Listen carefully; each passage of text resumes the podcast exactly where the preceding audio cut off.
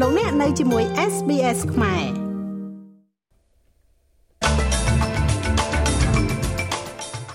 អនុប្រធានគណៈបកប្រឆាំងថាលោកនាយករដ្ឋមន្ត្រីមានសំណួរដែលត្រូវឆ្លើយជុំវិញបញ្ហាអ្នកនាង Brittany Higgins លោក Donald Trump ចេញមុខបកស្រាយក្រោយរងការចោទប្រកាន់ថ្មីក្មេងតូច4នាក់និងមនុស្សពេញវ័យ2នាក់រងរបួសក្នុងការវាយប្រហារដោយកំបិតនៅប្រទេសបារាំង។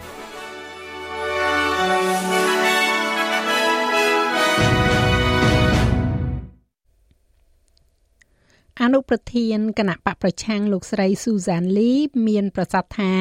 លោកនាយករដ្ឋមន្ត្រីមានសំណួរដ៏ចាំបាច់មួយដែលត្រូវឆ្លើយថាតើមន្ត្រីជាន់ខ្ពស់របស់គាត់បានដឹងច្រើនកម្រិតណាអំពីការចោទប្រកាន់ពីបទរំលោភសេពសន្តិវៈរបស់អ្នកនាង Brittany Higgins នៅមុនពេលអ្នកនាងបញ្ចេញវាជាសាធារណៈរដ្ឋមន្ត្រីក្រសួងហិរញ្ញវត្ថុលោកស្រី Kathy Gallagher ត្រូវបានចោទប្រកាន់ពីបទបំភាន់សភា នៅក្នុងអំឡុងពេលសវនាការប៉ាន់ប្រមាណរបស់ប្រសិទ្ធិឆ្នាំ2021លោកស្រី Gallagher បាននិយាយថាលោកស្រីមិនបានដឹងជាមុនអំពីការរំលោភបំពានដែលត្រូវបានចោទប្រកាន់របស់អ្នកនាង Brittany Higgins នោះទេប៉ុន្តែសារអត្ថបទដែលបានចុះផ្សាយក្នុងកាសែត The Australian រវាងអ្នកនាង Higgins និងគូដណ្ដឹងរបស់នាងហាក់ផ្ទុយនឹងការអះអាងរបស់សមាជិកព្រឹទ្ធសភា Gallagher លោកនាយករដ្ឋមន្ត្រីនិងឧបនាយករដ្ឋមន្ត្រីបានការពារលោកស្រី Gallagher ដូច្នេះលោកស្រី Susan Lee និយាយថានៅមានចំណុចសំខាន់ជាច្រើនទៀតដែលត្រូវបញ្ជាក់ The Prime Minister needs to simply answer whether anyone លោកនាយករដ្ឋមន្ត្រីត្រូវឆ្លើយយ៉ាងសាមញ្ញថាតើនរណាម្នាក់នៅលើកៅអីសភាជួរមុខរបស់គាត់ឬក៏នៅក្នុងការិយាល័យណាមួយរបស់ពួកគេបានដឹងឬក៏ឮអំពីការចោទប្រកាន់នេះ មុនពេលវាคล้ายទៅជាព័ត៌មានសាធារណៈហើយត្រូវផ្ដល់ឲ្យយើងនៅព័ត៌មានលម្អិតអំពីពេលវេលានោះយើងមិនគួរស្ថិតក្នុងជំហរដែលប្រជាជនអូស្ត្រាលីកំពុងចោទសួរយ៉ាងយកចិត្តទុកដាក់ថាតើនរណាប្រើប្រាស់កលៈទេសៈជុំវិញការចោទប្រកាន់អំពីបទរំលោភសេពសន្តិវៈនៅក្នុងគោលបំណងនយោបាយនោះ។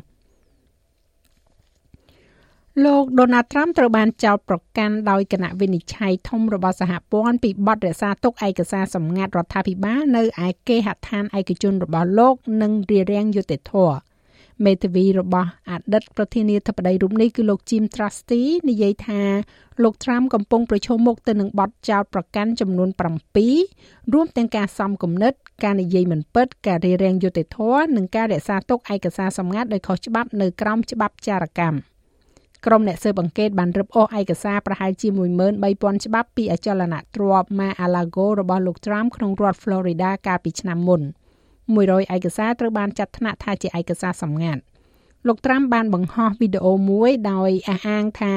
លោកគ្មានកំហុសហើយបានហៅការចោទប្រកាន់នេះថាជាការបោកបញ្ឆោត Our country is going to hell and they come after ប្រទេសយើងនឹងធ្លាក់នរកហើយពួកគេតាមរករឿង Donald Trump ការប្រើអាវុធជាក្រសួងយុតិធធអាវុធជា FBI យើងមិនអាចទុកឲ្យរឿងនេះបន្តទៀតបានទេព្រោះវាកំពុងតែបំផ្លាញប្រទេសយើងឲ្យខ្ទេចខ្ទាំវាគឺជាការបោកបញ្ឆោត វាត្រូវបានគេហៅថាការជ្រៀតជ្រែកក្នុងការបោះឆ្នោត ពួកគេកំពុងតែព្យាយាមបំភ្លេងបំផ្លាញគេឈ្មោះដើម្បីពួកគេអាចឈ្នះការបោះឆ្នោតដូច្នេះខ្ញុំគ្រាន់តែចង់ប្រាប់អ្នកថាក្នុងខ្ញុំជាមនុស្សស្លូតត្រង់ខ្ញុំមិនបានធ្វើអ្វីខុសនោះទេ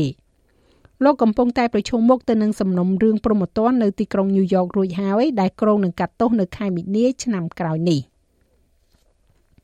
អាញាធរបារាំងបាននិយាយថាក្មេងទៅតែចេះដើរតេះតាស់4នាក់និងមនុស្សពេញវ័យ2នាក់បានរងរបួសដែលគំរាមកំហែងដល់អាយុជីវិត បន្ទាប់ពីត្រូវបានគេចាក់នៅ Annecy ជួរភ្នំ French Alps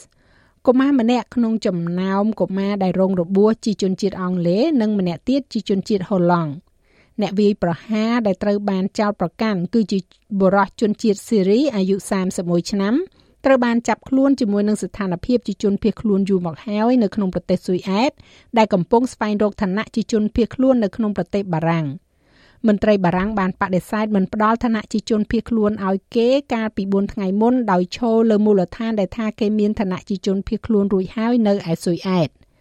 សាក់សៃនិយាយថាបរិរូបនេះទំនងជាកំពុងផ្ដោតគោលដៅយ៉ាងសកម្មទៅលើកុមារ ប៉ូលីសនិយាយថាបរិរូបនេះមិនមានប្រវត្តិបទឧក្រិដ្ឋឬក៏វិកលចរិតនោះទេហើយមានកូនម្នាក់ដែលមានអាយុប្រហាក់ប្រហែលទៅនឹងជនរងគ្រោះដែររដ្ឋមន្ត្រីក្រសួងមហាផ្ទៃ Gerard Damanin បានផ្ដល់ព័ត៌មានលម្អិតបន្ថែមអំពីជនវាយប្រហារនេះ It's not up to me to categorize acts. It's វាមិនមែនអាស្រ័យលើខ្ញុំក្នុងការបែងចែកសកម្មភាពនោះទេ វាអាស្រ័យទៅលើតុលាការបារាំង ប៉ុន្តែអ្វីដែលប្រកាសនោះគឺថាទាំងសារព័ត៌មាននិងប៉ូលីសនៅ NNC ដែលខ្ញុំបានជួបពួកគេនៅពេលខ្ញុំអមដំណើរលោកនាយករដ្ឋមន្ត្រីសុទ្ធតែសំដៅទៅលើចំនួននៃនិមិត្តសញ្ញាសាសនានៅលើរូបគេក្នុងករណីនេះគឺនិមិត្តសញ្ញាគ្រីស្ទៀនយុវជនម្នាក់ត្រូវបានចាប់ខ្លួនបន្ទាប់ពីមានការចាក់មនុស្ស2នាក់នៅក្នុងផ្ទះមួយក្នុងទីក្រុងជនបទនៃរដ្ឋ Queensland កាលពីយប់មិញ ស្ត្រីអាយុ39ឆ្នាំម្នាក់និងក្មេងស្រីអាយុ11ឆ្នាំម្នាក់ដែលគេជឿថាជាម្ដាយនិងកូនស្រីនោះត្រូវបានបញ្ជូនទៅកាន់មន្ទីរពេទ្យបន្ទាប់ពីត្រូវបានគេចាក់ចំពោះបច្ចុប្បន្នស្ត្រីរូបនេះស្ថិតនៅក្នុងស្ថានភាពមានទំនឹងលំនឹងចំណែកឯក្មេងស្រីអាយុ11ឆ្នាំវិញស្ថិតនៅក្នុងស្ថានភាពធ្ងន់ធ្ងរនៅឡើយ។លោក David Brace អធិការសេវាកម្មប៉ូលីសរដ្ឋ New South Wales សំទោសរដ្ឋ Queensland និយាយថាអ្នកទាំងពីរបានទទួលការវះកាត់ One of the victims was able to call ជនរងគ្រោះម្នាក់កាលនោះអាចទូរស័ព្ទទៅលេខ03ដងហើយយើងបានបញ្ជូនប៉ូលីសទៅទីនោះនិងសេវាសង្គ្រោះបន្ទាន់ផ្សេងទៀតនៅទីនោះភ្លាមភ្លាមនេះគឺជាសហគមន៍តូចមួយនៅទីនេះនៅ Rosewood ដែលជាសហគមន៍ដែលមនុស្សគ្រប់គ្នាស្គាល់គ្នាទៅវិញទៅមកដូច្នេះគ្មានការសង្ស័យទេដែលថាវានឹងធ្វើឲ្យសហគមន៍នេះមានការតក់ស្លុតបន្តិចបន្តួចនោះ លោក Brett Sutton ដែលកំពុងលាលែងចេញពីមុខតំណែងរបស់លោកជាប្រធានផ្នែកសុខាភិបាលរបស់រដ្ឋ Victoria លោកសាស្ត្រាចារ្យ Sutton កាលមុនបានទទួលខុសត្រូវនៅក្នុងការដឹកនាំការឆ្លើយតបផ្នែកសុខភាពរបស់រដ្ឋ Victoria នៅពេលមានជំងឺរាតត្បាត COVID-19 បន្ទាប់ពីបានបំពេញតួនាទីរយៈពេល4ឆ្នាំលោកសាស្ត្រាចារ្យ Sutton កំពុងតែចុះចេញពីតំណែងនេះដើម្បីចូលកាន់តំណែងថ្មីជានាយកផ្នែកសុខភាព និងសុវត្ថិភាពជីវៈសុវត្ថិភាពនៅឯអង្គការស្រាវជ្រាវវិទ្យាសាស្ត្រនិងឧស្សាហកម្ម Commonwealth ដែលហៅកាត់ថា CSIRO នៅពេលដែលថ្ងៃឈប់សម្រាកចុងសប្តាហ៍រយៈពេលវែងនៃបុណ្យចម្រើនព្រះជន្មរបស់ព្រះមហាក្សត្រដែលយើងហៅថា King Birthday Long Weekend ចាប់ផ្ដើមសម្រាប់ប្រទេសអូស្ត្រាលីភាគច្រើននោះអាជ្ញាធរកំពុងតែព្រមានអ្នកចុះទូកនិងអ្នកនេសាទឲ្យរក្សាសុវត្ថិភាពដោយព្រមានពីអាកាសធាតុត្រជាក់ Life Saving Victoria បានចេញការព្រមានមួយដែលបង្ហាញពីហានិភ័យនៃការលង់ទឹកនៅក្នុងខែមិថុនា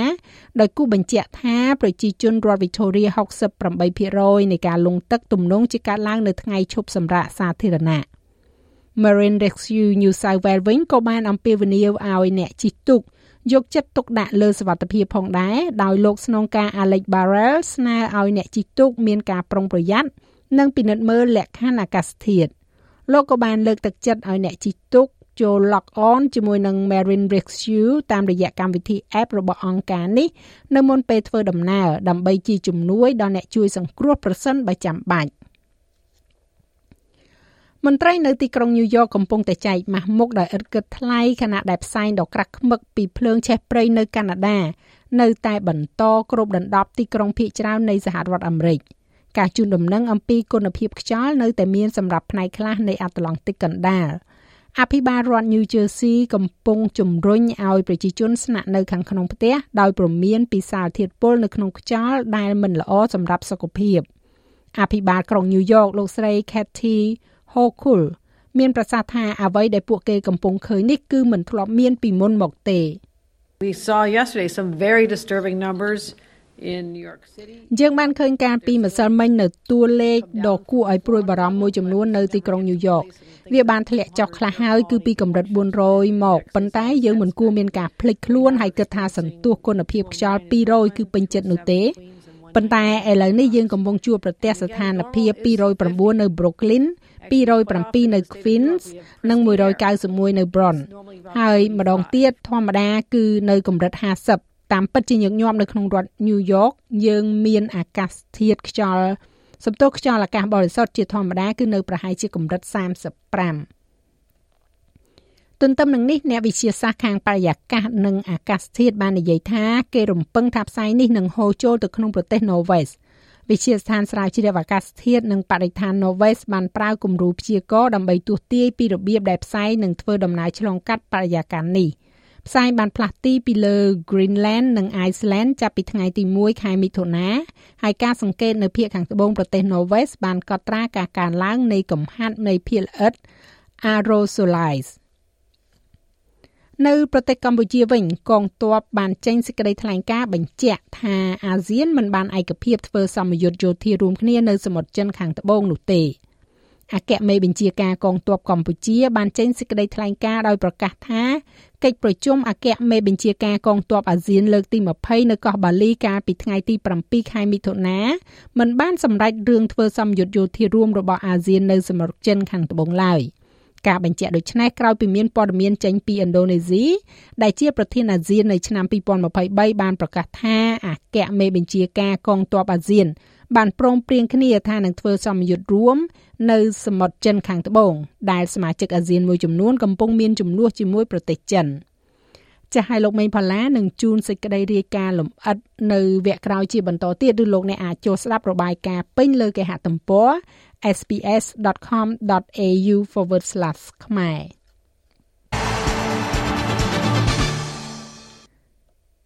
ព្រឹត្តិការណ៍កីឡាអូឡ িম্প ពិកពិភពលោកពិសេសមួយត្រៀមនឹងធ្វើនៅទីក្រុងប៊ែរឡាំងនៅថ្ងៃទី17ដល់ថ្ងៃទី25ខែមិថុនានេះ អត្តពលិកចំនួន64នាក់មកពីក្រុមអូស្ត្រាលីកំពុងត្រៀមចេញដំណើរសម្រាប់ព្រឹត្តិការណ៍នេះនៅថ្ងៃអាទិត្យទី11ខែមិថុនាការប្រកួតកីឡាលើកទី16នេះនឹងឃើញអត្តពលិកដែលមានពិការភាពខាងផ្នែកបញ្ញាស្មារតីឬក៏អ្នកកើតជំងឺ Autism ប្រមូលផ្ដុំគ្នានៅក្នុងរដ្ឋធានីប្រទេសអាល្លឺម៉ង់ប្រជាជនអូស្ត្រាលីប្រមាណជា650,000នាក់កំពុងតែរស់នៅជាមួយនឹងស្ថានភាពបែបនេះ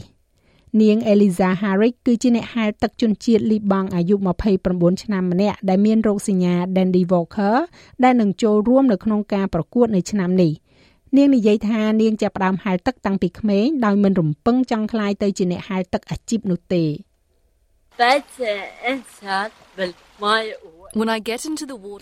ពេលខ្ញុំចុះទឹកនិងហែលទឹកខ្ញុំបំភ្លេចមនុស្សគ្រប់គ្នាព្រោះពេលអ្នកធ្វើអ្វីដែលអ្នកស្រឡាញ់អ្នកភ្លេចពិភពលោកទាំងមូលហើយមិនមានអារម្មណ៍ថាពេលវេលាកន្លងផុតទៅនោះទេ ពេលខ្ញុំចុះចូលទៅក្នុងទឹកខ្ញុំទោះជាខ្ញុំធ្វើខុសហែលខុសឬក៏បញ្ចប់នៅក្នុងចំណាត់ថ្នាក់លេខ5ជំនួសឲ្យលេខ1ក៏ដោយខ្ញុំមិនខ្វល់នោះទេ ព្រោះខ្ញុំរៀនថាវាជាការពិតខ្ញុំមានតម្រូវការពិសេសហើយពេលខ្លះគេមើលមកយើងដូចជាចម្លែកប៉ុន្តែយើងបានដឹងថាយើងមានតួនាទីមួយនិងគ្មាននរណាម្នាក់អាចធ្វើវាសម្រាប់យើងបានទេចំណែកឯអត្រាប្តូរប្រាក់វិញ1ដុល្លារអូស្ត្រាលីមានតម្លៃប្រមាណជាជិត67សេនដុល្លារអាមេរិកត្រូវនឹង2750រៀលប្រាក់រៀលខ្មែរ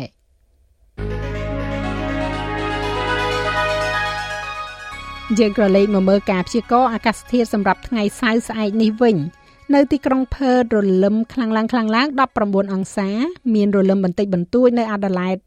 17អង្សា នៅមែលប៊នមានពពកដោយពេល16អង្សាហូបាតរលឹម15អង្សា នៅខេនបារ៉ាត្រជាក់ខ្លាំងនៅពេលព្រឹកបើកថ្ងៃ14អង្សានៅទីក្រុងស៊ីដនីបើកថ្ងៃដូចគ្នា18អង្សា Brisbane មានពពកដោយពេល23អង្សា ទីក្រុងខានរលឹមបន្តិចបន្តួច27អង្សា ដាវិនបើកថ្ងៃ33អង្សា និងនៅទីក្រុងភ្នំពេញ មានផ្គររន្ទះរាយប៉ាយ33អង្សា